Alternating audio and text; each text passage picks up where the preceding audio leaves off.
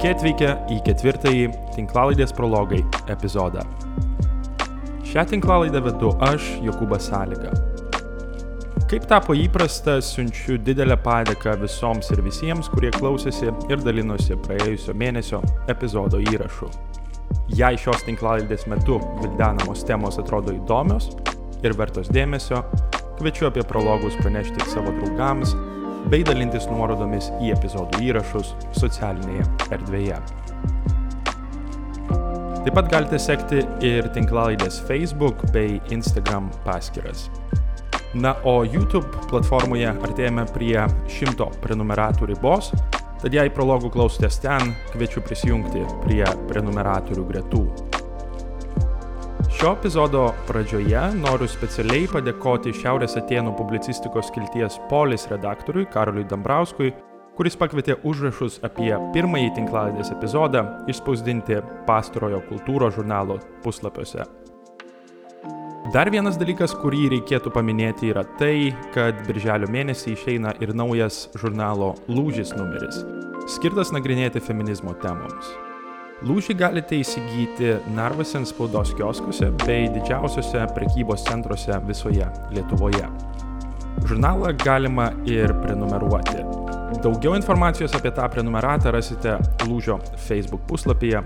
Na, o dabar galime pamažu judėti ir prie šio mėnesio pasakojimo, kurį pavadinau Nepažintas Marksas.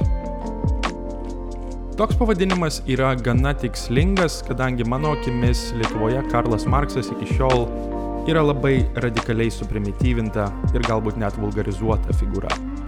Nūdienos kontekste kairiesiems būtų tikrai pravartu Marksą studijuoti kuo atidžiau ir žinoma drąsiau apie jo įžvalgas kalbėti. Visgi, sugražinant Marksą į viešą diskursą, pravartu susidaryti ir kiek platesnį požiūrį į šį XIX amžiaus mąstytoją kurio darbai išties pakeitė pasaulio raidos trajektorijas. Tas platesnis požiūris, mano galva, yra visiškai kitoks, nei jį estetinė prasme bandė perteikti gigantiškos granitinės statulos Sovietų sąjungoje, rytų blokė ar kitose geografiniuose regionuose, sufleruojančios apie užtikrintą istorijos evoliuciją komunizmo link. Tad yra bent trys aspektai arba atspirties taškai, kurie galėtų įrėminti įžanginės šio epizodo gairias. Pirma, tam, kad apsisaugoti nuo netikslių interpretacijų apie šio epizodo intencijas, reikėtų paminėti, ko aš neketinu daryti. Norėčiau pabrėžti, kad šiandienos pasakojime aš nei kiek nebandau nuvertinti kanoniniais laikomų Markso raštų, konkrečiai visų trijų kapitalo tomų. Progresyvios minties šalininkams Lietuvoje tuos tekstus skaityti yra būtina ir pats tai darau jau kelis metus. Šiuo metu baiginėju trečiąjį tomą. Galiu pastebėti tik tai, kad skaityti kapitalą yra ypač sunku vienam, tad būtų pravartu susirasti bendraminčių ir tai daryti kolektyvinėse skaitimo grupėse. Dar galima pridėti, kad yra puikūs įvadai, kurie pravers naviguojant po sudėtingus kapitalo skyrius. Geriausiai žinomas yra David Harvey paskaitos apie pirmąjį ir antrąjį tomą, o kartu ir apie Grundrise, knygos formatu publikuotus užrašus ruošiant kapitalą. Harvey paskaitos gal yra kiek problematiškos dėl to, jog gana stipriai ten yra nuvertinama trečiojo tomo svarba. Taip yra dėl to, kadangi pats David Harvey turi tam tikrą krizių ir konkrečiai kapitalistinių krizių interpretaciją, kuri kiek nuvertina taip vadinamą tendenciją pelno normai kristi. Visgi ją Marksas laikė esminę politinės ekonomijos taisyklę. Tad viena alternatyva Harvey paskaitoms galėtų būti pavyzdžiui Michael Heinrich knyga An Introduction to the Three Volumes of Karl Marx's Capital. Šias nuorodas įtrauksiu į epizodo aprašymą. Antra, reikia pažymėti, kad Stalino laikų Sovietų sąjungoje, o kartu ir po jo valdymo eros baigties, Markso darbai buvo stipriai suprimityvinti. Tokia praktika turėjo įtakos tam, kad bandymai Markso teorijas plėtoti nebuvo skatinami ir dažniausiai išlikdavo pogrindinė veikla. Pats Markso dogmatizavimas privedė prie išties įdomių paradoksų. Mąstytojas, kuris atvirai pasisakė prieš bandymus jo mintis naudoti kaip receptus ateičiai prognozuoti, buvo paverstas pranašu apie ranką pasiekiamą naują sistemą - sovietinį komunizmą. Rašytojas, kuris niekada nebuvo patenkintas savo darbo rezultatais, tapo doktrinų autoriumi. Materialistinio istorijos skaitimo šalininkas, dar daugiau, buvo interpretuojamas nustumiant istorinį kontekstą į periferijas. Netgi esminis Karlo Markso teiginys, kad darbo klasės emancipacija visada turi būti pasiekta pačios darbo klasės, netrukdė kurti ideologinio monolito ant piedestalo pastačiusio partijos viršūnės ir biurokratų armiją.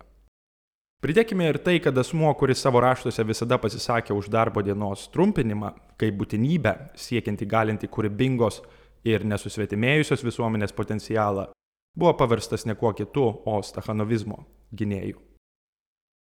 Apart to, kad sovietinė sistema sugebėjo valstybės kritiką Karlą Marksą paversti jos tariamų palaikytojų, ji taip pat visiškai ištrynė šio autoriaus kaip individo autonomijos šalininko palikimą. Aš esu įstikinęs, kad po komunistiniai kairiai Lietuvoje reikalinga alternatyvi Markso interpretacija. Ir šis punktas yra ypač svarbus šiandien. Mano ką tik paminėtas dogmatizavimas nemažai prisidėjo prie to, kad būtų sukurtas tikrai visiškai stereotipinis Markso portretas, kurį kritikuoti iš dešinės politinės prizmės tapo gana paprasta. Bet problema yra tokia, kad tie patys dešinieji kritikai paprastai Marksą skaitė labai netidžiai, apsiribojo tik komunistų manifestų ar tiesiog rėmėsi iškreiptomis interpretacijomis. Čia galima minėti begalę pavyzdžių. Vienas jų bus pažįstamas tiems, kurie turėjo progą pamatyti prieš kelius metus vykusius debatus tarp Slavojo Žyžiko ir Jordano Petersono, kurio knygos, aš kaip suprantu, yra verčiamos į lietuvių kalbą. Pastarojo mėginimas pertikti Markso ir Engelso mąstymo linijas vien tik per komunistų manifestą yra tikriausiai pati geriausia tos tingios kritikos iliustracija. Lietuviškame kontekste galime paminėti visai neseniai pasirodžiusi YouTube filosofijos kanalo Ar tikrai epizodą, kuris puikiai dekonstruoja radikalios dešinės bandymus teikti neva tiek klasikiniai, tiek ir kultūriniai marksistai turi slaptą tikslą sugriauti Lietuvo šeimas. Apibendrinimas šioje vietoje yra išties gana paprastas ir intuityvus.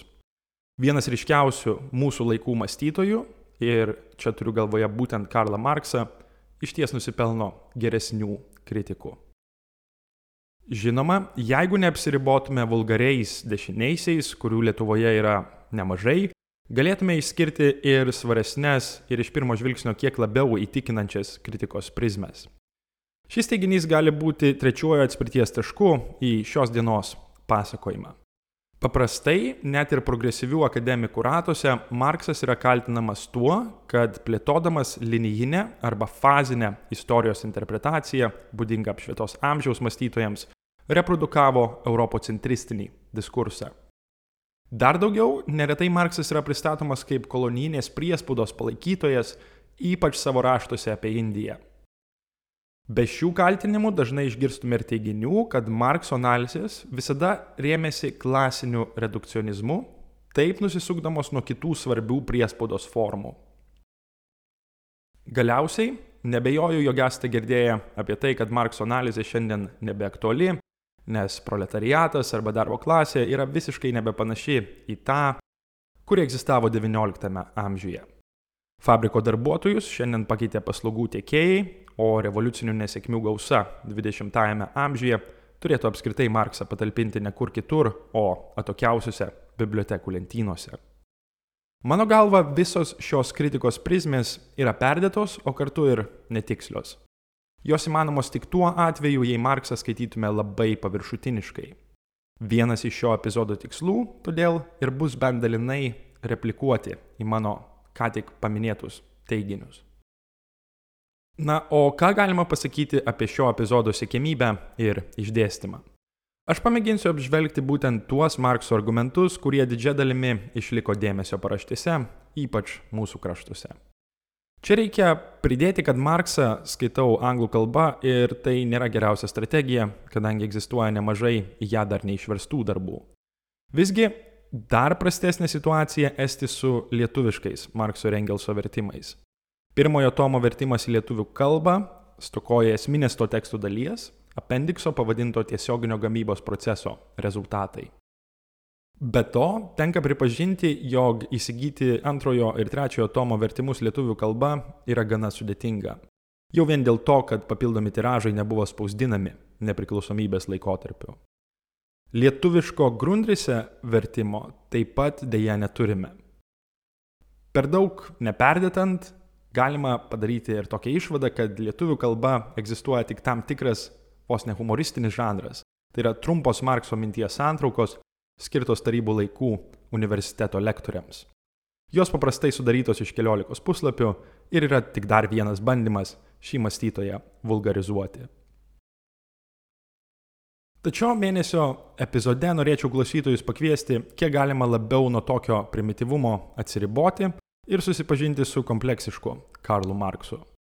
Epizodą pradėsiu glaustai apžvelgdamas Markso analizės metodą, o kartu ir abstrakcijos bei konkretumo dialektiką. Tai leis kiek nuodugniau atsakyti į klausimą, kodėl dalis kairiųjų, o kartu ir jų kritikų, yra linkę remtis labai supaprastintų šio autoriaus vaizdiniu. Dar daugiau tą glaustą apžvalgą bus pravartu laikyti ir atspirties tašku, piešiant kitokį Markso portretą. Portretą, kuris pabrėžia kompleksiškumą. Pastarasis išriškėja būtent tuomet, kai tinkamai įvertiname Markso teiginius apie įvairialypę darbo klasės sandarą, jo pastangas analizuoti skirtingas priespaudos formas ir minties kismą, interpretuojant istorijos raidą. Tikiuosi, kad klausytis bus įdomu. Šio epizodo pasakojimą vertėtų pradėti nuo glaustos apibraižos apie Markso analizės metodą. Tokia starto pozicija gali skambėti labai komplikuotai ir sudėtingai, bet šioje vietoje aš nemėginsiu aiškintis, kaip Marksas konstravo savo darbuose naudotas savokas. Tai būtų filosofinė diskusija ir ją reikėtų tikriausiai atskiro epizodo. Mano užmojai šioje vietoje yra tikrai daug paprastesnis. Visa, ką noriu padaryti, yra tiesiog pabrėžti, kad bet koks gilesnis Markso skaitimas gerai parodo, jog jo darbuose rastume abstrakčių ir konkrečių savokų vartojimą kartu. Kitaip tariant, skaitant, tarkime, net ir taip vadinamus ekonominius Markso darbus, pavyzdžiui, kapitalą, aptiksime bandymus kapitalizmą analizuoti labai abstrakčiai, sukuriant idealų jo modelį. Tačiau jau po kurio laiko to teksto autorius pasineria į labai konkrečias istorinės detalės, pagrysdamas ar gilindamas savo teiginius, arba netgi išgrynindamas kai kuriuos konceptus. Kaip dauguma klausytojų žinos, komunistų manifestas yra be ne labiausiai prieinamas Markso ir Engelso tekstas. Jis paprastai tampa tramplinu, pradedant pažinti su šiais klasikais. Mano paties nuomonė yra tokia, kad manifesto skaitimas, nors ir labai naudingas, visgi pateikia gana primityvų šių mąstytojų portretą. Bet čia žinoma reikia paminėti tokio rašinio žanrą, kuris vargu ar galėtų būti kitoks. Bet kokiu atveju manifeste mes esame supažindinami su dviem didžiulėmis socialinėmis jėgomis - proletariatu ir jo oponentais - kapitalistais, kurie konkuruoja tarptautiniu mastu. Pasak autorių, kultūriniai, nacionaliniai, geografiniai ir kitokie skirtumai yra nykstantis tarptautiniam kapitalui imant dominuoti vis didesnę pasaulio dalį. Besivienijanti darbuotojų klasė vis dažniau ima priešintis išnaudojimui ir tampa revoliuciniu subjektu. Iškart reikėtų pabrėžti, jog manifeste Marksas ir Engelsas būtent ir rašo labai apibendrintai ir įvykius XIX amžiaus viduryje interpretuoja pasitelkdami abstrakcijas. Konkretumas apie darbuotojų pozicijas nėra esminis, teigiant, kad labai greitai agrarinės visuomenės taps kapitalistinėmis, o valstiečiai virs pramonės proletariatu. Galime susidaryti įspūdį, kad egzistuoja dvi didelės ir homogeninės arba vientisos klasės. Manifeste prieš mūsų akis atsiveria vaizdas, kuriame kapitalas, įgalindamas pasaulinę rinką, suteikia kosmopolitišką pobūdį tiek gamybos, tiek ir vartojimo procesams, ko ne kiekvienoje pasaulio šalyje. Nacionaliniai skirtumai ir tautiškos peripetijos tampa tiesiog nebeįmanomi. Per aliuziją į Hamletą mes esame tikinami, jog viskas, kas egzistuoja tvirto, tiesiog ištirpsta ore. Šio pamfleto puslapiuose galima sutikti ir europocentristinį, arba kiek tiksliau vakarų centristinį diskursą, nes, pasak autorių, sparčiai tobulindama visus gamybos įrankius ir be galo lengvindama susisiekimą, buržuazija įtraukia į civilizaciją visas, net barbariškiausias tautas. Pigios jos prekių kainos, štai ta sunkioji artilerija, kurią ji greuna visas kinų sienas ir priverčia kapituliuoti atkakliausią barbarų neapykantą svetimšaliams. Grasindama pražūtimi, ji verčia visas tautas priimti buržuazinį gamybos būdą. Ji verčia jas įsivesti vadinamąją civilizaciją. Tai yra tapti buržuazinėmis. Tad kapitalizmas tiesiog vysto gamybinės jėgas daug sparčiau nei bet kokia kita iki tol egzistavusi santvarka. Praėjus dviems dešimtmečiams po manifesto išleidimo 1867 metais. Pirmojo kapitalo tomo pratarmėje Marksas vis dar naudoja gana panašią abstrakčią prezentacijos formą. Bet tam yra neblogas pagrindimas. Marksas teigia, kad kapitalo pradžioje esanti vertės formos studija, tai yra kapitalistinės produkcijos brandolio studija, privalo būti abstrakti. Kitaip tariant, empirinis požiūris atsiriamantis į konkrečių prekių gamybą, tiesiog būtų nepriimtinas. Į klausimą, kodėl, Marksas atsako teikdamas, jog analizuoti pilną organizmą, kapitalistinę sistemą, yra paprasčiau nei studijuoti jos sudedamasias dalis. Tad jei norime analizuoti kapitalizmą kaip socialinę santvarką ir vertės formą pilnavertiškai, reikia naudoti abstrakcijas. Būtent jos ir padeda suprasti prekių gamybą kaip holistinį procesą. Žinoma, žvelgiant iš šio kampo tikrai nėra dėl ko prieštarauti. Kapitalizmas turi tą universalumo tendenciją, jis yra globalius procesus įgalinanti sistema, kuri tam tikrą prasme vienodina, regularizuoja ir išlygina geografinius skirtumus. Tai daro tam, kad galėtų atverti visus vartus vertės gamybai. Bet iš karto reikėtų pridėti, kad egzistuoja priešpriešos arba kontradikcijos. Viena vertus, pasaulis tikrai netampa plokščias. Kita vertus, be negiliausia kontradikcija, kuri išryškinama kapitalizmo evoliucijos, o kartu ir vertės judėjimo metu, yra darbo jėgos opozicija. Revoliucinis kelias darbo klasiai, anot Markso, būtent ir yra kuriamas ne ko kito, o kapitalistinių santykių įsigalėjimo dėka. Visgi čia reikėtų pabrėžti, kad dažnai kapitalo paragrafuose mes aptiksime gana homogenišką arba vientisą darbo klasės pristatymą. Praradusi savo gamybos priemonės, žemę, įrankius ir kitą, ir paversta nusavybės neturinčią samdomų darbuotojų mase, darbo klasė arba proletariatas tampa susvetimėjusiu. Žmogiški ir socialiniai santykiai tampa fetišizuotais nes kapitalizme jie yra mūsų sugretinami su santykiais tarp daiktų. Tuo pat metu susvetimėjimas yra neatskiriamas nuo materialinio išnaudojimo. Kurdami pridedamąją vertę kapitalui, darbuotojai tampa diena iš dienos dominuojama klase. Šioje vietoje būtų galima plėstis, bet būtent tokie abstraktus teiginiai, išryškinantys susvetimėjimą ir išnaudojimą, yra pabrėžiami pirmame kapitalo tome. Mano ką tik glaustai ir labai neišbaigtai pristatytos Markso minties linijos yra žinoma ypač svarbios šiandien.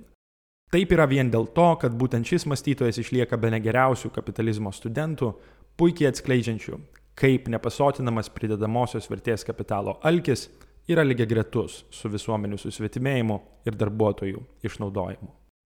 Kapitalizmas kaip gamybos būdas turi imperatyvą periodinėms krizėms ir yra tiesiog neracionalus. Na, o susvetimėjimą ir išnaudojimą skirtingai patiria be ne kiekvienas žmogus, nepriklausomai nuo to, ar jų darbo vieta būtų fabrikas, prekybos centras, greitojo maisto restoranas ar skambučių centras. Tad problema šioje vietoje nėra susijusi su Markso analize, bet su grupe žmonių, kuri tą analizę interpretuoja. Čia aptiksime ir dešiniųjų, ir liberalų, ir tų pačių personų, kurios save vadina marksistais. Tarp jų neretai egzistuoja tendencija Marksą pristatyti kaip mąstytoją, kuris plėtodamas abstrakčius kapitalizmo veikimo dėsnius ir jiems priskirtą kritiką pabrėžiančią sistemos iracionalumą, kaip teigiama, visiškai nusisuko ir nestudijavo visuomenių kompleksiškumo.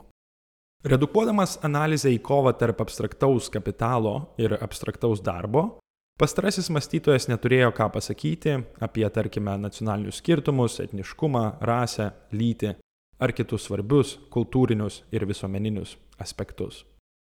Tačiau tokia interpretacija, mano akimis, yra problematiška, o kartu ir pavojinga. Svarbiausia yra tai, kad ji visiškai nusisuka nuo Markso išskirtinio dėmesio konkrečioms kategorijoms, kurios figuruoja tiek jo ekonominiuose, tiek ir kitose raštuose. Ką turiu galvoje?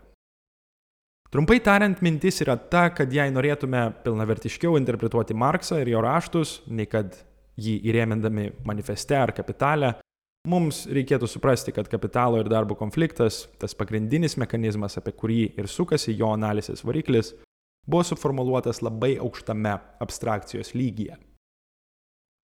Dar daugiau, analizuoti socialinės formacijas arba tiesiog skirtingas visuomenės tik per formalių abstrakcijų prizmes yra nekas kita, o aukštyn kojomis apversti paties Markso metodą.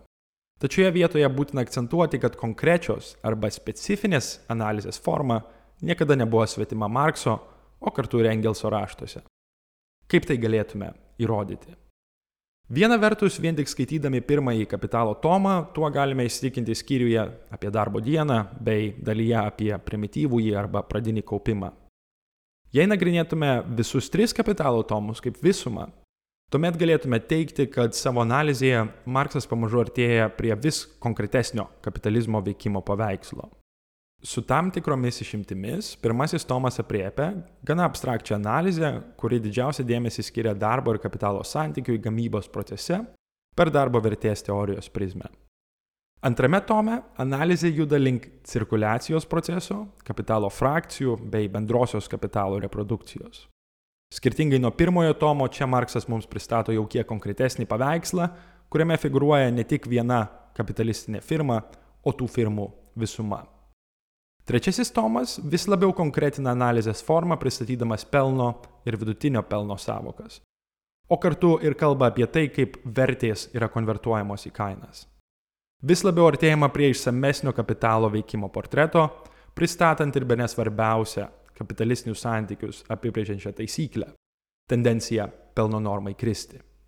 Be to, paskutinėje publikuotoje kapitalo dalyje darbo vertės teorija yra perpinama ir su kredito palūkanų bei žemės rentos teorizavimu. Trumpai tariant, judėjimas prie vis žymesnio konkretumo, atsikratant anksčiau identifikuotų abstrakcijos formų ir prielaidų, yra išryškintas. Tai žinoma nėra teiginys, jog Marksas tiesiog žygiavo link konkretumo pasitelkdamas empirinį metodą. Priešingai, būtent per abstrakčių ir konkrečių savokų dialektiką jam pavyko išgryninti kapitalizmo veikimo principus kaip visumą. Tęsiant šią argumentacijos liniją, galime prisiminti ir tai, kad Marksas savo pragyvenimui uždirbo rašydamas tiek Prūsijos laikraštyje Rheinische Zeitung, tiek ir The New York Tribune šiame žurnalistinėme žanre konkreti analizės forma, žinoma, buvo dar labiau apčiopiama. Vartydami tuos raštus pamatytume, jog Marksas visiškai nesivadovauja supaprastintų visuomenių dalymu tik į dvi klases - kapitalistus ir darbuotojus. Ir čia aš nekalbu apie žemvaldžius ar valstiečius, kuriuos rastume ir kapitalę, bet apie konkrečias stratas bei dėmesį į iš pirmo žvilgsnio nemarksistinę kategoriją vidurinėje klasėje. Nuorodos į šią klasę figuruoja net ir jo užrašuose, ruošiant kapitalą. Tie užrašai yra publikuoti kaip kapitalo juodraštis ir, kaip minėjau, vadinasi Grundrise. Prie viso to reikėtų pridėti ir tai, kad lygiai grečias tendencijas aptiksime vartydami istorinius autoriaus raštus, tarkime apie pilietinį karą Prancūzijoje ar Paryžiaus komuną. Paskutinis punktas, kurį galima paminėti pabrėžiant Markso atidumą konkretumui, yra tai, kad jis visada buvo linkęs dar kartą įvertinti bei persvarstyti savo anksčiau plėtotus argumentus. Tai ypač matoma paskutiniais Markso gyvenimo metais, kurie priešingai nei teigia kai kurie jo skaitytojai, šį autorių privertė atsikratyti abstrakčių tezių, kurios atrodė įtikinamos anksčiau. Apie tai pakalbėsime šiek tiek vėliau. Dabar užteks pabrėžti tik esminį mano teiginį. Jis nurodo į tai, kad jei Markso darbus skaitytume nuodugniau, greitai įsitikintume, jog abstrakcijos ir užtikrintumas niekada nebuvo šio autoriaus skiriamieji ženklai. Tinkamai įvertinę šias įžvalgas galėtume daryti bent tris esminės prielaidas, kurias pamėginsiu išplėtoti sekančiose pasakojimo dalise. Pirma, Markso supratimas apie darbo klasę niekada neapsiribojo tik vakarų Europą. Lygiai taip pat jo raštuose neegzistavo bandymai sugretinti darbo klasę tik su vyriškąja lytimi. Kitaip tariant, Marksui darbo klasė buvo savoka, kuri apriepė įvairialypę jos sandarą. Antra, atidžiau panagrinėję Markso darbus įsitikinsime, kad jį kaltinti ekonominiu arba klasiniu redukcionizmu yra ganėtinai klaidinga.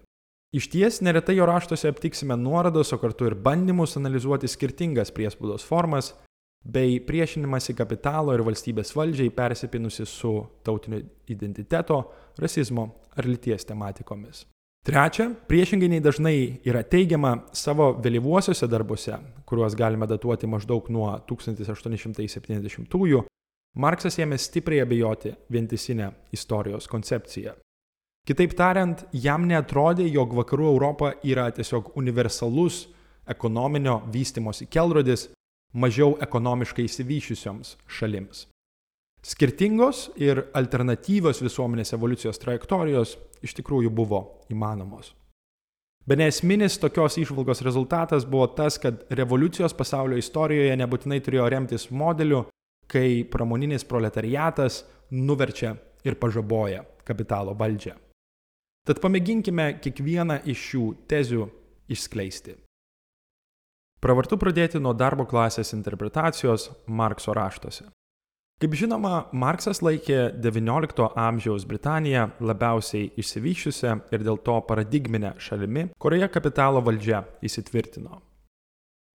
Nors kapitalo tomuose būtent Britanijos pavyzdys yra dažnai naudojamas iliustruoti kapitalo ir darbo konfliktą, reikia pabrėžti, kad šalies darbo klasė nėra vertinama kaip vientisa ar homogeninė. Prisiminkime, jog prasidėjus pramonės revoliucijai Mančesteris tapo būtent tuo pavyzdiniu miestu iliustruojančiu XIX amžiaus kapitalizmo tipą.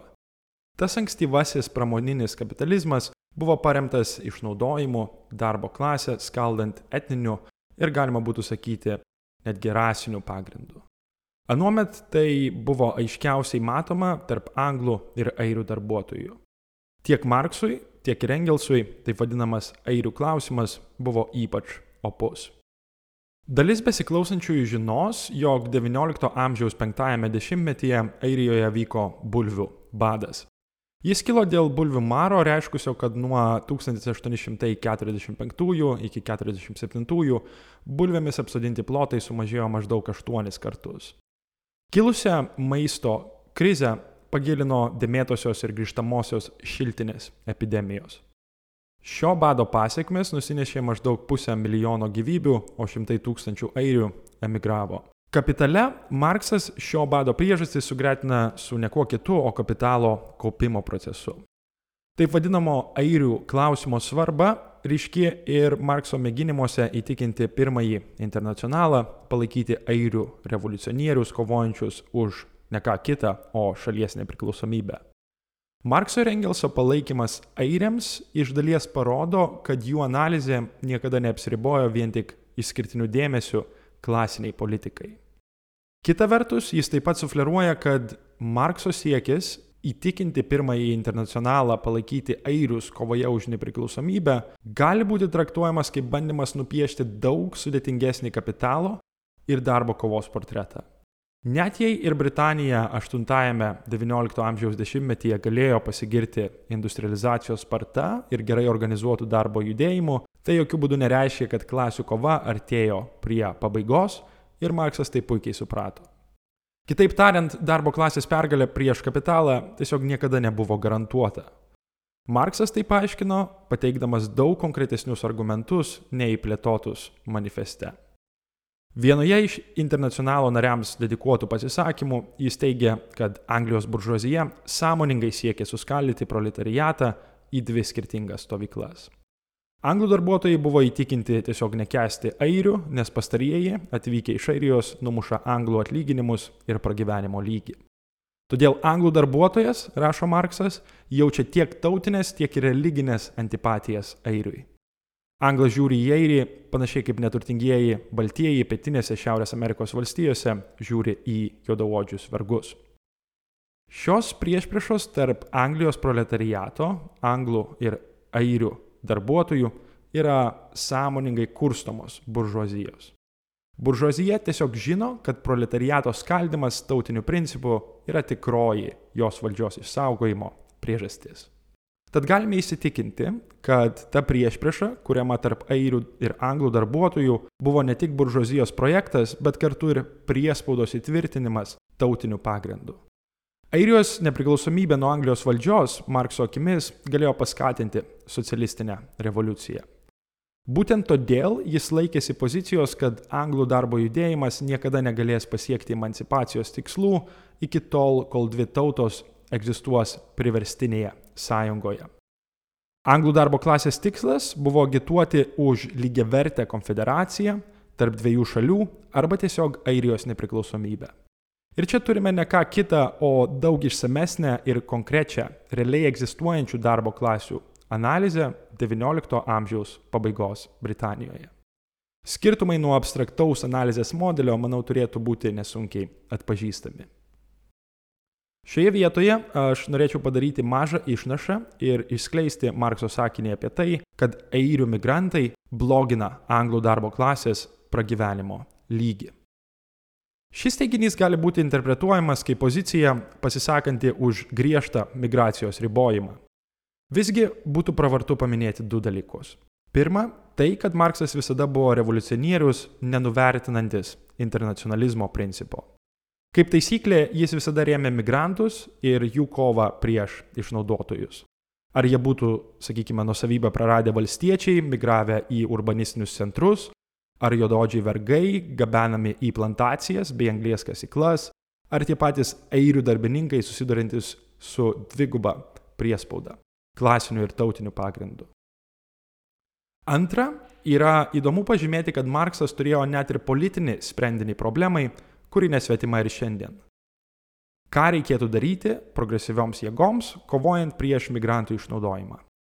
1880-aisiais parašytoje Prancūzų darbuotojų partijos programoje Marksas kartu su bendraautoriais pasisako už teisinius metodus, kurie apskritai panaikintų kompanijas, įdarbinančias iš užsienio atvykusius darbuotojus už mažesnės algas nei mokamos prancūzams. Taigi čia turime visai neblogą pavyzdį apie tai, kaip Marksas šiandien galvotų apie laisvo judėjimo ir migrantų išnaudojimo klausimą. Pereinant prie susijusios, bet kiek kitokios argumentacijos linijos, reikėtų akcentuoti ir tai, kad Marksui nebuvo svetimas išnaudojimas ir priespauda rasės pagrindu. Šis metodas buvo dar vienas būdas, aišku, skaldyti darbo klasę Junktinėse Amerikos valstijose. Prisiminkime, kad Marksas buvo aršus Atlantinės vergyjos kritikas ir garsiai pasisakė už jos panaikinimą. Šia prasme, jo kova už laisvę niekaip negali būti kvestionuojama. Vergovė Amerikų plantacijose, Markso nuomonė, buvo neatskiriama nuo kapitalizmo raidos. Ir tai galima matyti jau ankstyvuosiuose šio autoriaus raštuose. Filosofijos skurde, publikuotame 1847 metais, Marksas teigia, kad vergovė yra lygiai tokia pat buržuazinės pramonės ašis, kaip ir dirbtuvių mašinos ar kreditai, kurių reikia kapitalistams. Be vergovės neįsivaizduotume medvilnės, be medvilnės neturėtume modernios pramonės. Tad ne kas kita, o būtent vergyje ir suteikia kolonijoms jų vertę, ne kas kita, o kolonijos ir sukūrė pasaulinę prekybą o pastaroji buvo prielaida stambiosios pramonės įsigalėjimui. Kiek vėliau ir Grundrise, ir Kapitalo pirmame tome Marksas teiks, kad plantacijose klėstėjusi vergovė buvo paremta kapitalistiniais socialiniais santykiais, o vergvaldžiai buvo tiesiog kapitalistai. Šioje vietoje būtų galima paminėti ir tai, kad pilietinio karo JAV metu Marksas palaikė šiaurinės valstijas jų kovoje prieš pietus. Anot jo, pastarasis karas buvo antroji Amerikos revoliucija, kuri galėjo sukurti sąlygas darbo klasės emancipacijai. Būtent po vergovės panaikinimo darbo judėjimas ir galėjo pradėti vienytis ypač kilniam tikslui - 8 valandų darbo dienai ir tai daryti nuo rytinio iki vakarinio šalies kranto. Rezimuojant, pažymėkime tai, jog kova už darbo judėjimo pergalę Marksui buvo neatskiriama nuo priešinimosi kapitalo valdymo formoms, naudojant rasinės kategorijas. Jei Markso diskusijos apie emancipaciją niekada neapsiribojo baltos odos spalvos darbo klase, lygiai taip pat pastarosios klasės sandara nebuvo redukuojama į vyriškos lyties atstovus. Čia reikėtų pažymėti, kad nors ir mano pristatomas autorius negalėjo visiškai išlipti iš patriarchalinių stereotipų, o kartu ir neturėjo jokios platesnės namų ūkio darbo teorijos, jo analizė neignoravo lyties klausimų.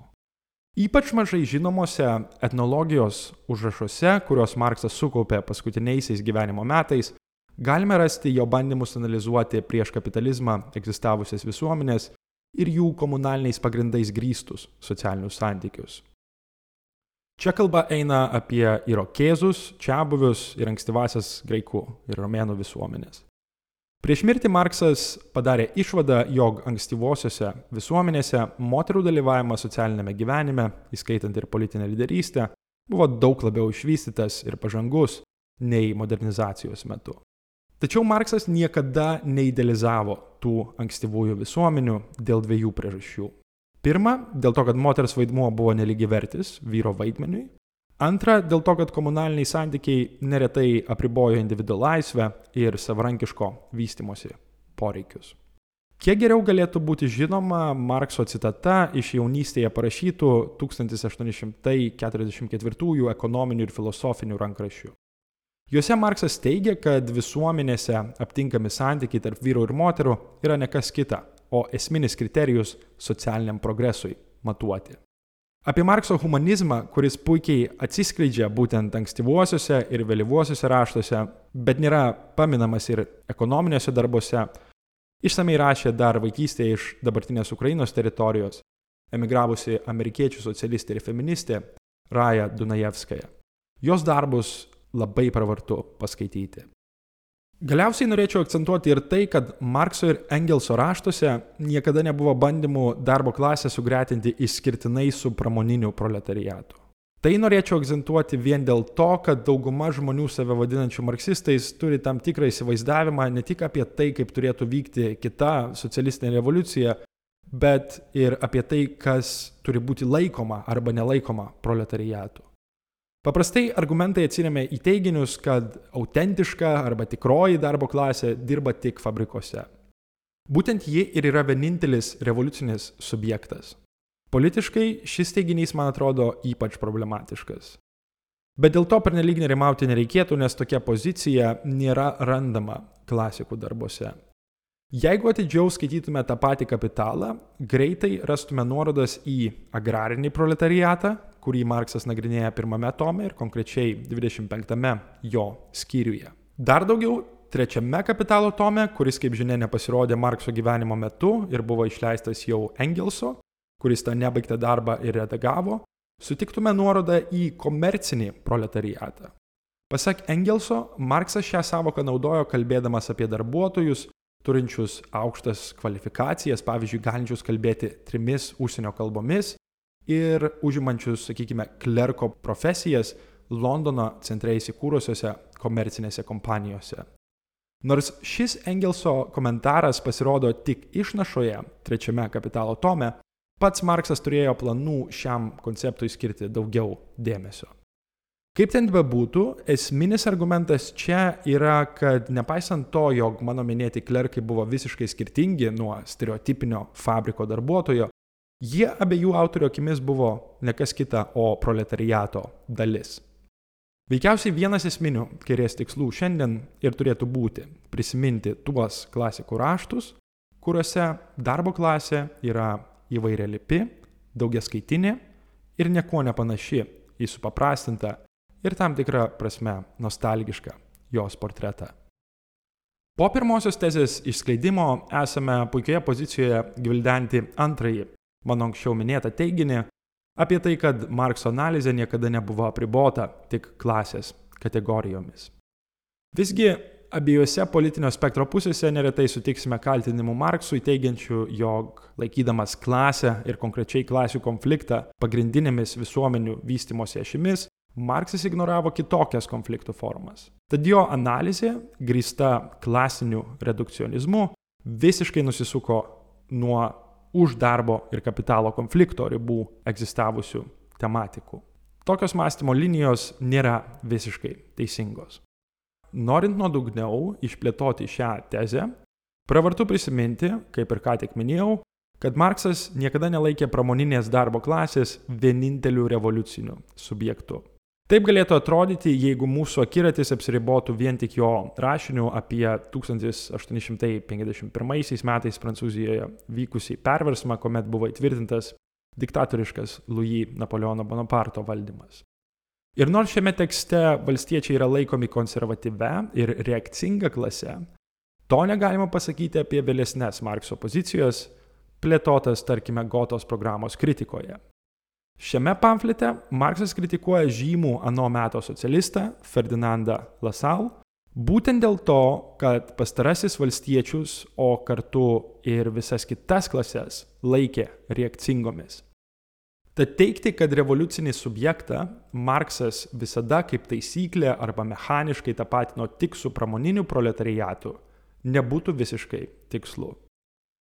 Kita vertus, Išsklaidyti mitą apie Markso klasinį redukcionizmą mums padėtų ir šio autoriaus palaikymas nacionaliniams judėjimams, kurie buvo paremti arba galėjo prisidėti prie emancipacijos projektų. Apie tai jau šiek tiek užsiminiau kalbėdamas apie Airiją.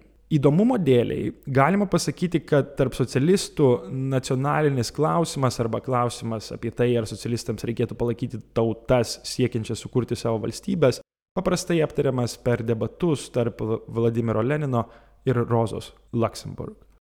Tačiau dar prieš kurį laiką iki pastarųjų debatų pradžios, ne kas kitas, o būtent Marksas viename savo pareiškimų apie žlugusią abiejų tautų respubliką įvardijo takoskirą tarp siaurų nacionalistinių, arba kitaip tariant, reakcingų judėjimų ir tikrų nacionalinių revoliucijų, kurios, anot jo, su savimi atneša ir progresyves žemės reformas, bei demokratinius arba demokratiškesnius valdymo principus.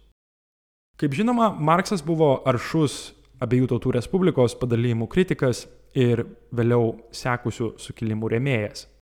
Viena vertus, šis autorius gegužės trečiosios konstituciją, kurios 230-asis metinės minėjome visai neseniai, yra pavadinęs be ne vieninteliu autentišku ir laisvės principų pagrystų projektu, kada nors gimusiu rytinėje Europos dalyje. Čia reikėtų pažymėti, kad Engelso požiūris į ATR bei nacionalinį klausimą buvo labiau pesimistiškas ir tuo pat metu problematiškas. Viename savo rašinyje nacionalinio klausimo tematika Engelsas netgi teigė, kad mažos tautos apskritai niekada neužims jokio vaidmens istorijoje ir todėl joms nevertėtų turėti aspiracijų į valstybingumą. Išsamesnę kritiką šiai pozicijai iš kairės perspektyvos galima rasti puikioje ukrainiečių marksisto Romano Rosdolskio esėje. Vėlgi nuorodą į ją rasite epizodo aprašyme. Galima paminėti ir tai, jog komunistų manifeste mes rastume Markso ir Engelso rekomenduojamas pozicijas ano meto progresyvios minties šalininkams. Viena jų, kaip nekeista, atsiriame į palaikymą ATR išsivadavimui iš Rusijos, Austrijos ir Prūsijos okupacijos. Iki pat gyvenimo galo Marksas buvo aktyvus ATR, o kartu ir ją sudariusių tautų nacionalinių revoliucijų gynėjas. Jis buvo įkveptas LDK ir Lenkijos teritorijose vykusių laisvės kovų 1863 m. sukilimo metu. Na, o rašydamas apie Paryžiaus komuną, jis įskyrė iš ATR atvykusius komunos gynėjus. Reikia pripažinti, kad e, dauguma jų buvo lenkai, bet tame sąraše būtų galima aptikti ir lietuviškų pavardžių. Panašios minties linijos, palaikančios nacionalinius judėjimus, kurie su savimi nešė emancipacijos potencialą, aptinkamos ir kitame Europos kampe, konkrečiai Airijoje, kaip ir užsiminiau anksčiau. Ką dar pravartu paminėti šioje vietoje, kai bandome akcentuoti analizės parametrą išeinantį už klasės ribų. Dar 1870-aisiais Markso palaikymas airių nacionaliniam judėjimui, sudarytam iš neko kito, o inteligentijos ir valstiečių, buvo priešiškai sutiktas žymaus rusų anarchisto Mikhailo Bakunino ir jo minties šalininkų pirmajame internacionale. Pasak Bakunino, darbo žmonių internacionalas neturėjo rūpintis klausimais, kurie nebuvo susiję su tiesioginėmis strategijomis, kurios lemtų darbuotojų pergalę prieš kapitalą. Tačiau Marksas niekada nebuvo įtikintas šios klasinį redukcionizmą puikiai apibūdinančios pozicijos. Priešingai, Markso akimis airių nacionalinis įsivadavimas iš Anglijos priespaudos buvo būtinas, norint kalbėti apie ekonominę revoliuciją visuotiniu arba globaliu mastu. Ir nors iki 1869 Marksas tikėjo, kad agrarinė nacionalinė revoliucija įvyks iškart po to, kai anglų darbuotojai sukils prieš buržuaziją, vėliau jo pozicija pasisuko priešingų kampų. Anglijos proletariatas, kaip Marksas rašo viename savo laiškų Engelsui, nepasieks jokių pergalių iki tol, kol Airija bus Anglijos priespaudoje. Pradinis pokyčių taškas dėl to yra Airijoje ir dėl šios priežasties airių klausimas yra labai labai svarbus visame revoliucinėme judėjime. Aš beveik nebejoju, jog daugeliui besiklausančių ir bent šiek tiek pažįstančių Markso raštus toks teiginys gali atrodyti labai netradicinis ir netgi kiek heretiškas. Tačiau tokį įspūdį susidarome vien dėl to, kad pernelyg menkai žinome Markso darbus. Mums taip pat svetima idėja, kad šis autorius dažnai keitė savo pozicijas ir to iš ties nebijojo daryti. Likus maždaug 13 metų iki jo mirties, Marksas ėmė stipriai abejoti savo ankstyvaisiais teiginiais, jog revoliucija turi prasidėti labiausiai įsivyšiusioje pasaulio šalyje. Priešingai, vis didesnis potencialas revoliuciniams įvykiams lipėjo pasaulio ekonomijos periferijose. Niekada nebuvo galima atmesti galimybės, kad būtent agrarinės ar nacionalinės revoliucijos suteiks peno arba išauks pasipriešinimą kapitalistiniai valdžiai anometiniuose pasaulio centruose. Įdėmiau besiklausantis prisimins, jog trečioji tezė, kurią norėjau išplėsti, yra susijusi su Markso istorijos raidos interpretacija. Tam, kad galėtume tinkamai ją išskleisti, būtų pravartu glaustai pažvelgti į ankstyvąjį istorijos analizės metodą, kurį Marksas ir Engelsas suformulavo vokiečių ideologijoje 1846 metais. Nors vokiečių ideologija niekada nebuvo Markso ir Engelso pabaigta ar publikuota kaip knyga ir pasirodė tik kaip surinktų užrašų rinkinys 1932-aisiais, būtent joje ir yra atskleidžiama materialistinė, bet kartu ir gana mechaninė istorijos raidos samprata. Supaprastinant galime sakyti, kad tos sampratos skiriamieji ženklai yra linijinis arba fazinis istorijos vystimosi paveikslas. Kiekviena visuomenė anot to paveikslo pereina per fazes iki tol, kol juose gimsta kapitalizmas. Lygiai taip pat kiekvienoje visuomenėje ilgainiui turi triumfuoti pokapitalistinis gamybos būdas. Tad vokiečių ideologijoje mes rasime formuluotę, jog klaninės arba gentinės visuomenės pereina prie vergovės, kaip kad senovės Romoje ir Graikijoje, toliau besivystydamos ir pasiekdamos feodalinės santvarkos etapą. Po jos seka kapitalizmas paremtas laisvai samdomų darbų. Paskutinis etapas arba fazė, žinoma, yra tai, ką dalis kairiųjų vadintų komunizmu arba socializmu. Nors šiuos žodžius iš tikrųjų kartais aptiktume ir Markso raštuose, kalbant apie gamybos būdų analizę, jis paprastai naudodavo frazę laisvų asociacijų visuomenė. Į šią detalę dabar nesigilinsiu, bet paminėsiu tik tai, jog dar ruoždamas užrašus savo magnum opus, tai yra kapitalui, Grundrisėje arba užrašuose apie politinės ekonomijos kritiką, jis įskiria ir taip vadinamą azijietišką visuomenių arba gamybos būdų tipą, kuris nebuvo paremtas nei vergovė, nei baudžiava. Taip anot Markso buvo dėl to, kad komunaliniai ir kolektyviniai socialiniai santykiai arba jų dalinis įsivystimas tokiose visuomenėse buvo neatskiriamas nuo vertikalių išnaudojimu gristų santykių. Juose buvo galima aptikti ir specifines kombinacijas tarp ekologinių ir socialinių veiksnių. Tarkime, ištisi sausumos plotai ir hidraulinė žemdirbystė reikalavo gigantiškų irigacijos sistemų, stiprios valstybės ir tvirtos darbo jėgos bei žemės kontrolės. Net ir dalinai komunaliniais principais grįstos bendruomenės buvo priverstos mokėti duoklę valstybei. Didžia dalimi tai buvo statiškos visuomenės, kuriuose pereimas prie kapitalistinių socialinių santykių galėjo užsitęsti amžius. Marksas tokiamis visuomenėmis laikė, pavyzdžiui, Indiją, Egiptą, Kiniją, Mesopotamiją ir iš dalies Rusiją.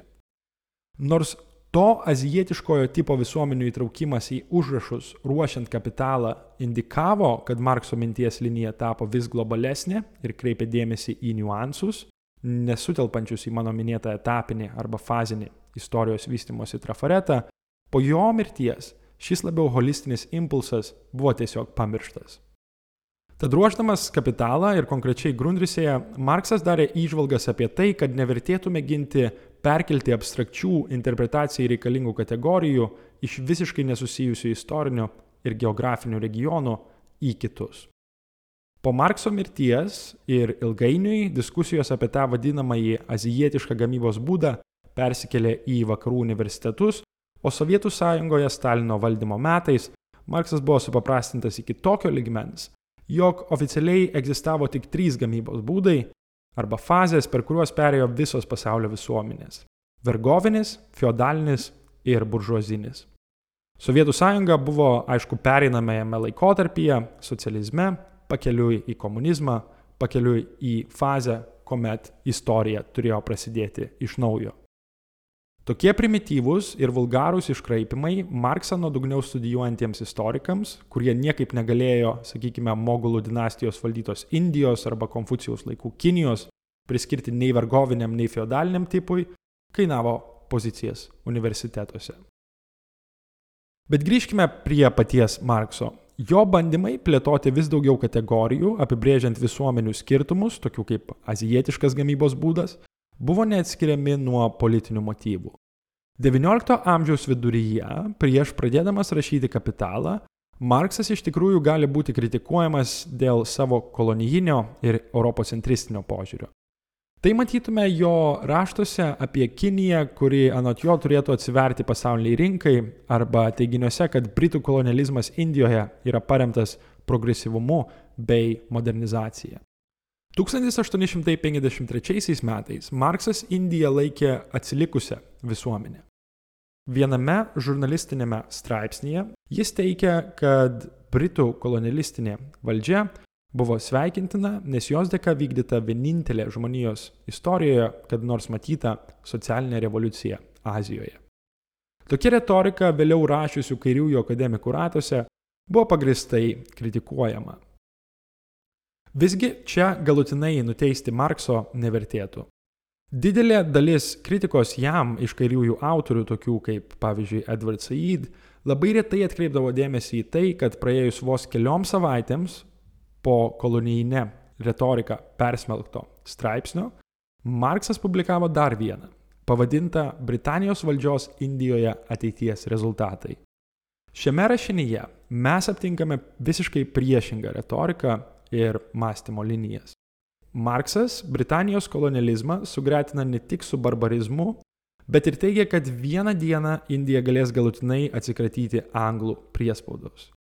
Jau pradėjęs rašyti Grundrise, Marksas išspausdins dar kelis straipsnius New Yorko laikraštyje, išreikšdamas palaikymą tiek 1857 sukilimui Indijoje prieš Britų rytų Indijos kompanijos valdžią, tiek ir kinų kovai su Britanija antrajame opimo kare.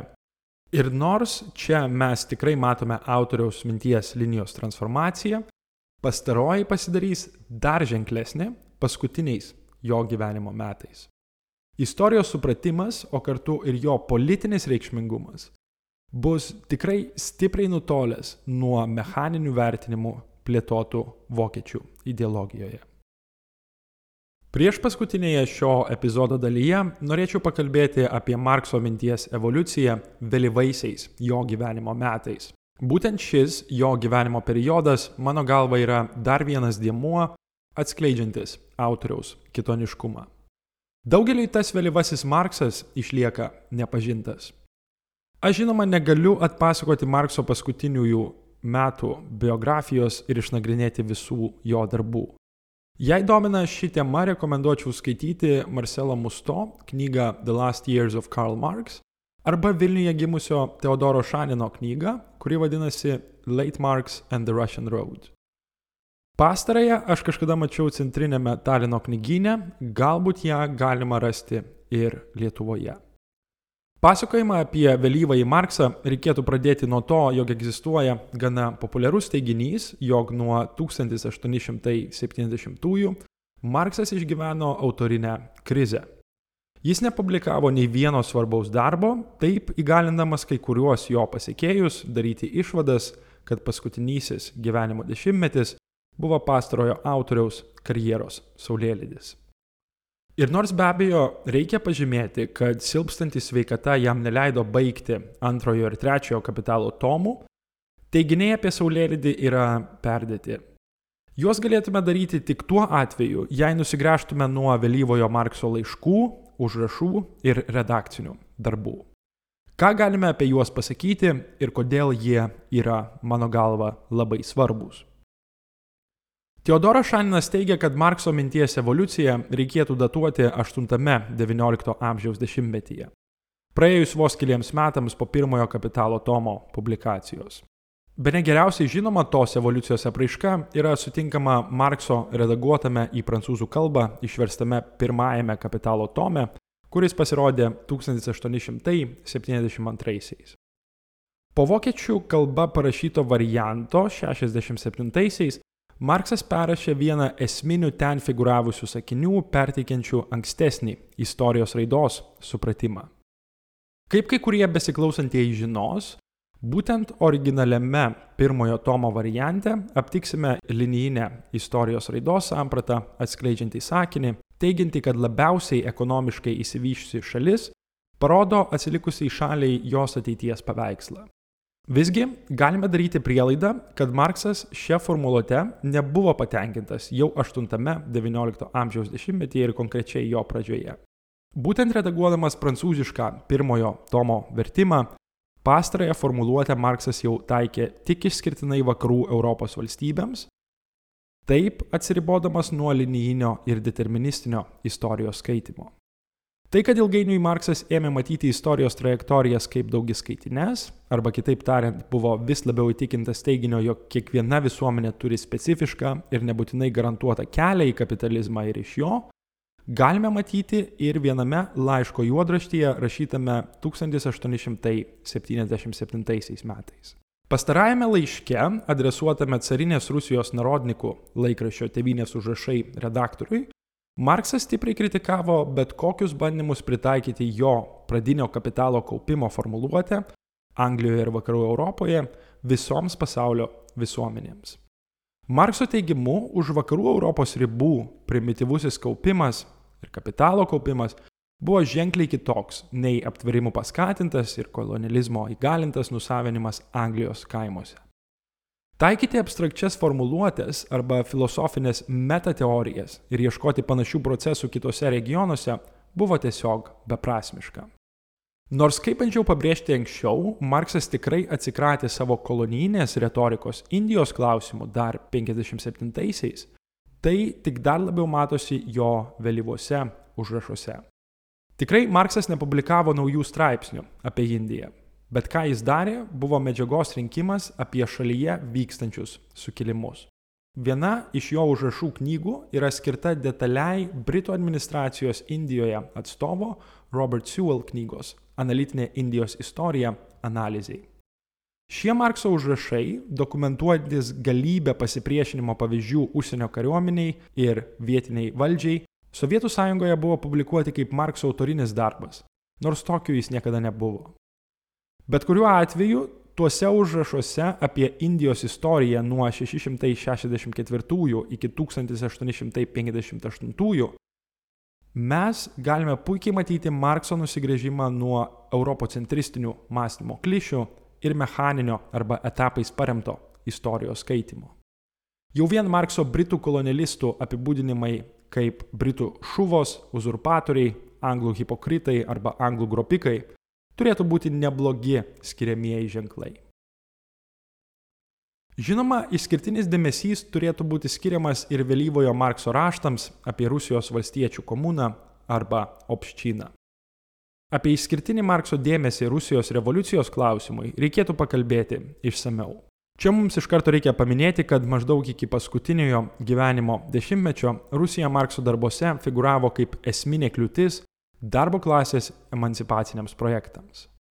Didžiojoje dalyje savo raštų Marksas kaip taisyklė pabrėždavo carinės Rusijos socialinio įsivystimo stoką, lėtą ekonominę raidą, despotišką politinį režimą ir ypač reakcingą bei konservatorišką užsienio politiką. Visi šie faktoriai darė šalį kontrarevoliucijos oazę. Bet bėgant laikui ir Marksui senstant, aiškėjo, kad revoliucinės viltys vakarų Europoje tapo vis mažesnės. Konjunktūra galbūt yra tas momentas, kai buvo brutaliai numalšinta Paryžiaus komuna 1871 pavasarį. Situacija Britanijoje, kur kapitalizmas sukūrė didžiausius pramoninius fabrikus ir juose koncentruotą darbo judėjimą, irgi nebeatrodė optimali. Vietoj to, kad darbo judėjimas keltų aspiracijas apie kapitalo valdžios pažabojimą, jis buvo saliginai patenkintas savo pragyvenimo lygiu Priežastys tam gali būti tapatinamos su to pragyvenimo lygio išlaikymu kolonializmo sąskaita ir tam tikrų reformistinės sąmonės įsigalėjimu dėl profsąjungų veiklos. Tokių pesimistinių perspektyvų fone Markso akise revoliucijos centras pamažu judėjo į kitą Europos kraštą. Iš ties vis daugiau žinių apie radikalius veiksmus, o taip pat ir progresyvę agitaciją buvo galima girdėti iš to šalies, kuri anksčiau paties Markso buvo laikyta reakcingumo oaze. Iš ties 9-19 amžiaus dešimtmetis yra neatsiejamas nuo naujos revoliucionierių ir radikalų kartos, kuri ir užaugo ne kur kitur, o carinėje Rusijoje. Būtent ta karta turėjo progą atidžiai skaityti Markso darbus, jau vien dėl tos priežasties, kad pirmasis kapitalo vertimas buvo būtent rusiškas. Jis pasirodė dešimtmečiu anksčiau nei angliškasis variantas. Nuo 1870 iki 71 Marksas pramoko rusų kalbos tam, kad galėtų kuo nuodugniau studijuoti šaltinius pastarąją kalbą. Jis ėmė skaityti įvairius ano meto rusų autorius, tokius kaip Aleksandrą Herzeną ar Nikolajų Černiševskį. Viename iš laiškų, kurį tuo laikotarpiu Markso žmona įsiuntė jo bendražygiui Engelsui, galime aptikti sakinį su tam tikra nuostabos doze. Jis nurodo, kad Marksas pradėjo studijuoti rusų kalbą, lyg tai būtų gyvenimo ar mirties klausimas. Nenostabu, jog paskutiniaisiais gyvenimo metais jis sukaupė milžinišką rusų kalba publikuotų knygų ir užrašų biblioteką. Jo dėmesys vis labiau krypo į rusiškąją valstiečių komuną ir narodnikų arba populistų darbus. Šioje vietoje pravartu glaustai ir neišbaigtai paminėti, kas buvo ta rusiškoji valstiečių komuna ir nubrėžti bazinės narodnikų, liaudininkų arba populistų minties linijas. Pradėkime nuo valstiečių komunos. Reikia akcentuoti, kad XIX amžiaus europinėje carinės Rusijos dalyje maždaug 60 procentų kultivuojamos žemės priklausė valstiečių ir kazokų komunoms arba bendruomenėms. Ir nors tai yra didelis procentas, jos nebuvo išplitusios nei dabartinėse Lietuvos, nei Latvijos teritorijose, nors ten yra šiek tiek išimčių. Tose bendruomenėse kiekvienas ūkis savo nusavybėje turėjo tik nedidelį sklepelį, konkrečiai namą, sodą, įrankių žemai dirbti ir gyvulius. Bendruomenė ar komuna kultivuojamos žemės plotus priskirdavo šeimoms ilgajam laikotarpiui, o pievų plotų perskirstimas vykdavo ko ne kasmet. Komunos gyventojai naudodavo pašarus ir miškus kolektyviniu principu, tai buvo bendruomeninė nusavybė. Lygiai taip pat dauguma svarbių paslaugų komunoje veikia kolektyviniu principu, pavyzdžiui, piemenavimas, apsauga, rūpyba našlaičiais, kartais mokyklos, bažnyčios, malūnai ir taip toliau. Samdomas darbas komunoje praktiškai neegzistavo. Galiausiai reikia pasakyti, kad nepaisant to, jog virš tų komunų žinoma buvo carinės valstybės aparatas, jos pačios faktiškai prilygo valstiečių politinės organizacijos išraiškai. Komunos buvo kolektyviniais santykiais paremtos organizacijos, apsaugančios gyventojus nuo plėšikų, policijos, mokesčių rinkėjų ar įsiveržimų iš kaimininių kaimų. Na, o narodnikai arba liaudininkai, žinoma, buvo Rusijos revoliucinės tradicijos atstovai. Jų akise valstiečių komuna buvo rusų kolektyvinės tradicijos anspaudas, kuris buvo perduodamas iš kartos į kartą, nepaisant valstybės bandymų ją pažaboti. Net ir neidelizuodami pačios komunos, populistai ją laikė esminiu įrankiu, skatinant valstiečių mobilizaciją prieš carinę valdžią. Todėl komuna buvo gretinama su atspirties tašku, mastant apie ateities socialinės organizacijos principus, principus paremtus lokalizuotomis valdymo formomis, šalia demokratiškai išrinktos nacionalinės vyriausybės.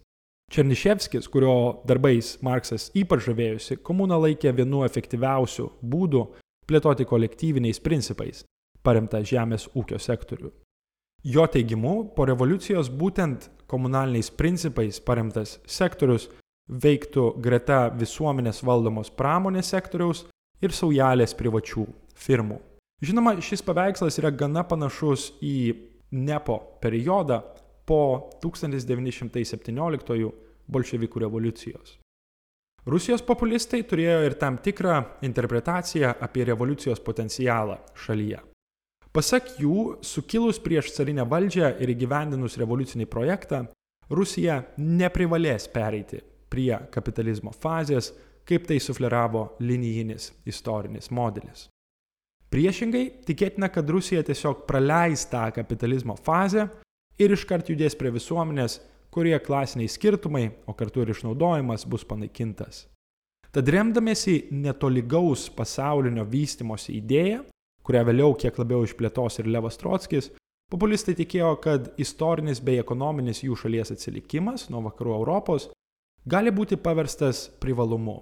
Carinės valdžios nuvertimas nebus pasiektas dėka buržuazinės, o priešingai - socialistinės revoliucijos. Taip įvyks dėl to, kad visuomenės organizavimo principai bus perimti iš valstiečių komunos.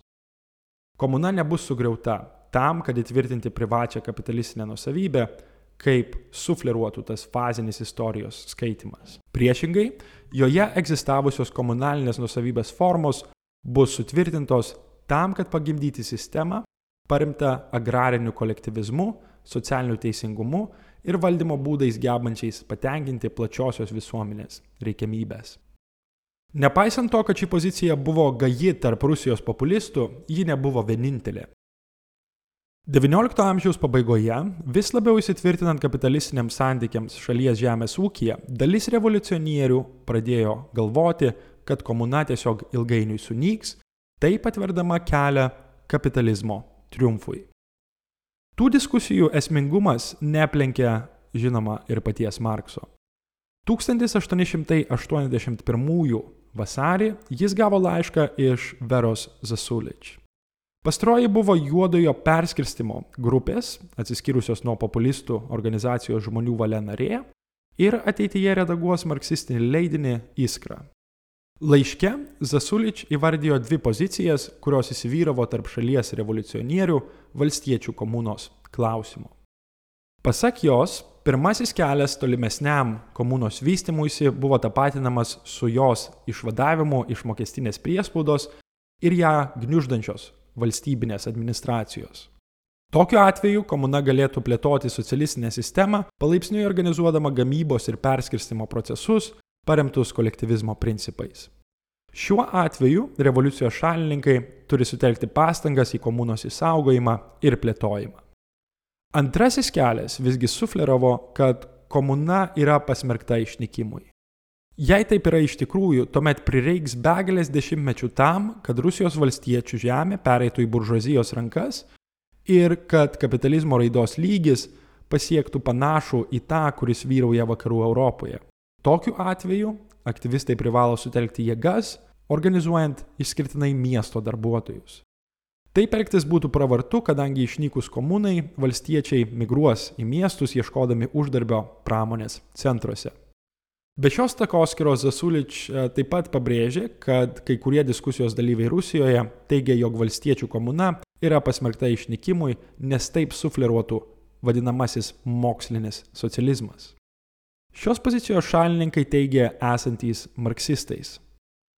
Pati Sasulič tikėjo, kad garsiausio ano meto socialisto įsitraukimas į tas diskusijas būtų ypač naudingas visam progresyviam judėjimui carinėje Rusijoje. Ką galėtume pasakyti apie Markso atsakymą? Pradėkime nuo to, jog ruoždamas atsakymą į tą laišką, Marksas sukaupė 30 tūkstančių puslapių užrašų ir parengė keturis teksto juodrašius. Tie užrašai buvo rasti tik trečiame 20-ojo amžiaus dešimtmetyje. Jie puikiai parodo ne tik klausimų svarbą, bet ir Markso stropumą ir norą kiek įmanoma tiksliau įvertinti rusiškosios valstiečių komunos revoliucinį potencialą. Be viso to Markso atsakymas į Zasulič klausimą sufleruoja ir apie autoriaus minties evoliuciją, tiek istorijos raidos, tiek ir revoliucinio veiksmo tematikomis. Kokius teiginius artikuliavo Marksas? Visų pirma, jis rašo, kad komunos išnykimui grėsmę kelia ne istorinės neišvengiamybės, sakykime, abstrakčios istorijos raidos taisyklės, o carinės valstybės priespauda, bei jos vis aiškesnis kursas siekiant palaikyti užsienio ir vietos kapitalistus. Būtent tas carinėje Rusijoje gimstantis valstybės įgalinto ir kontroliuojamo kapitalizmo tipas ir veikia tiesiogiai prieš valstiečių interesus. Po šių įžvalgų Marksas teigia, jog rusiškosios komunos ateitis gali būti vertinama per dvi prizmes. Tos dvi prizmės labai stipriai atsispiria nuo bet kokio determinizmo arba uždaro istorijos interpretavimo būdo. Viena vertus, Marksas sako, kad komuna gali būti suardyta valstybės įgalintų kapitalistinių socialinių santykių. Bet vėlgi tai nėra būtinybė egzistavo ir kitoks komunos raidos kursas. Kooperacija paremti socialiniai santykiai, kurie anuomet vis dar buvo gyvybingi, gali būti išsaugoti, jei Rusijos revoliucija sugriaus carinę valdžią ir ilgainiui remsis vakarų technologiniais laimėjimais.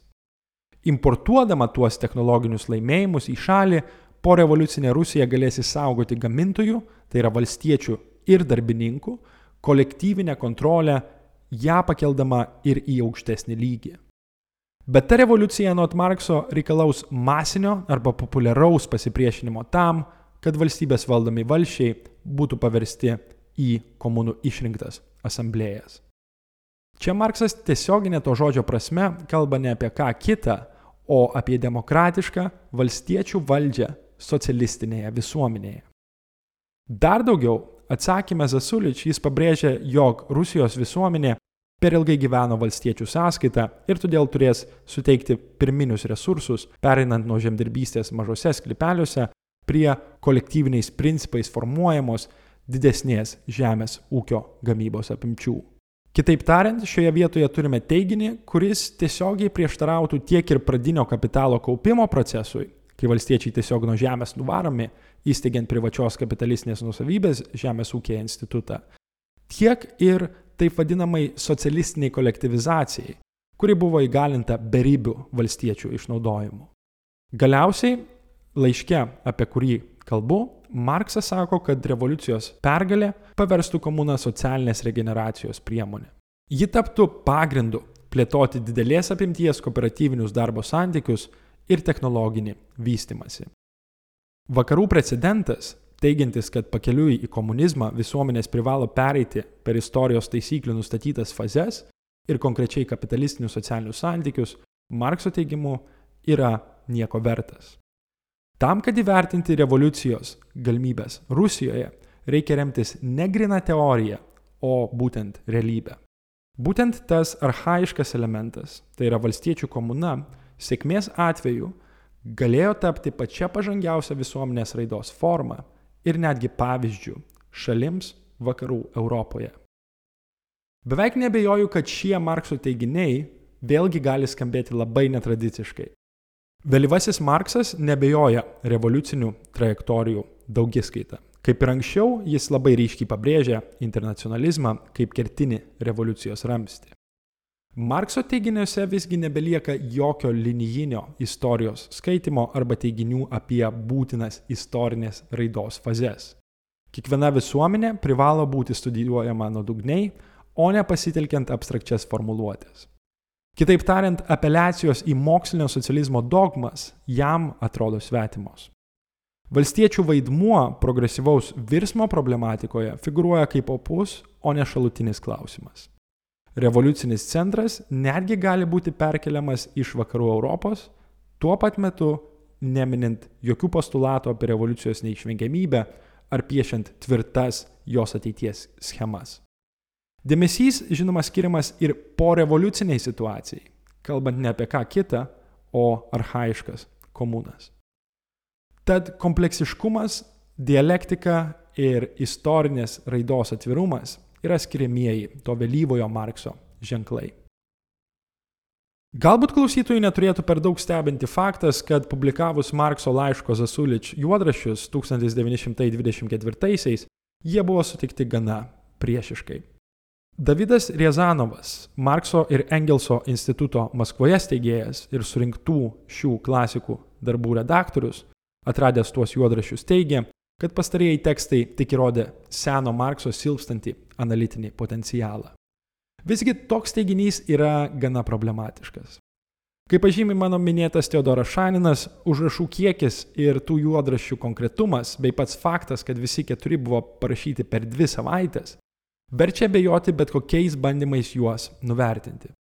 Iš dalies tas vėlyvojo Markso nustumimas į paraštės neturėtų ir per daug stebinti. Priežastis yra ta, kad kai tik į Marksą pradedame žiūrėti kaip į kompleksišką ir interpretacijų nebijantį keisti mąstytoją, mes nebeteikėme jokio peno pastarojo sudėvinimui. Tas Markso ir konkrečiai pirmojo kapitalo tomo sudėvinimas, žinoma, buvo vienas iš skiriamųjų antrojo internacionalo ženklų. Po 1917 m. bolševikų revoliucijos Sovietų Rusija, o vėliau ir Sovietų sąjunga tapo marksizmo interpretacijų sostinė. Ketvirtajame praėjusio amžiaus dešimtmetyje stalinizmas ženkliai prisidėjo prie to, kad Marksas būtų ne tik suprimityvintas ir vulgarizuotas, bet ir prie to, kad jo teiginiai, dažnai išimti iš konteksto, būtų naudojami kaip ideologinės kontrolės priemonė. Kadangi buvo teigiama, kad klasių kova Sovietų sąjungoje nebeegzistavo, visa tolimesnė valstybės raida buvo prilyginta keliui iš socializmo į komunizmo fazę. Linijinis istorijos aiškinimas tapo vyraujančiu, o Stalino laikų Sovietų sąjunga užėmė pavyzdinės visuomenės arba gamybos būdo poziciją. Daugelio kairiųjų akise ji tapo pačiu progresyviausiu režimu planetoje. Rezimuojant šį epizodą, prisiminkime tris pagrindinės tezes, kurias bandžiau išskleisti. Visos jos yra svarbios ne tik piešiant kiek kitokį neįprastą Karlo Markso portretą, bet ir praktinę prasme. Visų pirma, mėginau parodyti, kad Markso supratimas apie tai, kas yra darbo klasė, visada pabrėžia jos įvairialypę sandarą. Ši įžvalga išlieka svarbi ir šiandien. Komet kai kam atrodo, kad dalinis pramoninio proletariato išnykimas, bent jau globalėje šiaurėje, signalizuoja apie darbo klasės gretų sumažėjimą. Tokia nostalgiška pozicija yra tolygi pralaimėjimo paskelbimui iš anksto, o kartu ir visiškai svetima pačiam Marksui. Jos atsikratymas išlieka svarbia reikiamybė. Antra, šiandienos pasakojime bandžiau įsitikinti, jog Markso analizės niekada nesiremė vien tik klasiniu redukcionizmu. Žinoma, klasė išliko kertinio atspirties tašku, tačiau tai netrukdė mano aptariamam klasikui studijuoti skirtingas priespaudos arba opresijos formas. Tos formos buvo grįstos tautinio identiteto, rasės, lyties kategorijomis ir beveik kaip taisyklė neatskiriamos nuo klasinio išnaudojimo. Šioje vietoje, galbūt kiek kontroversiškai, būtų galima kalbėti apie Marksą kaip ankstyvąjį ir radikalų daugelipiškumo analizės sekėją. Kartais kairiųjų ratuose iš ties girdime teiginių, jog analizuoti klasinį išnaudojimą galime nusisukdami nuo diskriminacijos gristos lyties rasės kategorijomis. Kaip kairieji mes irgi dažniausiai neturime išsamios nacionalizmo analizės, o kartu ir visiškai nebandome reakcingo naratyvo apie tautiškumą dekonstruoti ir perpasakoti. Jei pirmąją problemą spręsti darosi vis paprasčiau, panašu, jog antroji išlieka vis dar dideliu galvos skausmu. Galiausiai epizodo metu bandžiau pademonstruoti, jog paskutiniais savo gyvenimo metais Marksas ėmė stipriai abejoti vientisinę istorijos koncepciją. Kitaip tariant, jam nebeatrodė, jog vakarų Europa yra universalus ekonominio vystimosi kelrodis mažiau ekonomiškai įsivyšusioms šalims. Skirtingos visuomenių evoliucijos trajektorijos tikrai buvo įmanomos. Šiandien toks analizės metodas galėtų būti taikomas kalbant apie kai kuriuos pasaulio regionus, sakykime, Čiapas Meksikoje ar panašias bendruomenės Latino Amerikoje, konkrečiai Bolivijoje ir Gvatemaloje, taip pat Afrikoje bei Azijoje.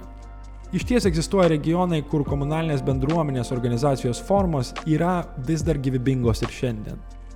Ar juose gali būti kuriami antikapitalistiniai projektai, turintys potencialo ir ryškesniai plėtrai, aš nežinau. Bet tai nereiškia, kad tos Markso išvalgos apie daugelinijinę istorijos raidą yra tiesiog nieko vertos. Mano galva jos pristato Marksą kaip kritiką, kuris ėmė kvestionuoti Europocentrizmą ir vakarų centrizmą kartu. Ta minties evoliucija nusakė, kad autorius, kuris sovietų laikais buvo pristatomas kaip mokslinio socializmo pirmtakas, nebijojo keisti savo pozicijų, kreipė išskirtinį dėmesį į niuansus istorijos raidoje ir buvo ypač skeptiškas revoliucinių receptų kūrimui bei rašymui. Būtent šis nepažintas Marksas kurį privalome pradėti skaityti iš naujo, yra aktualus be maž visiems progresyviems politiniams projektams 21 amžiuje.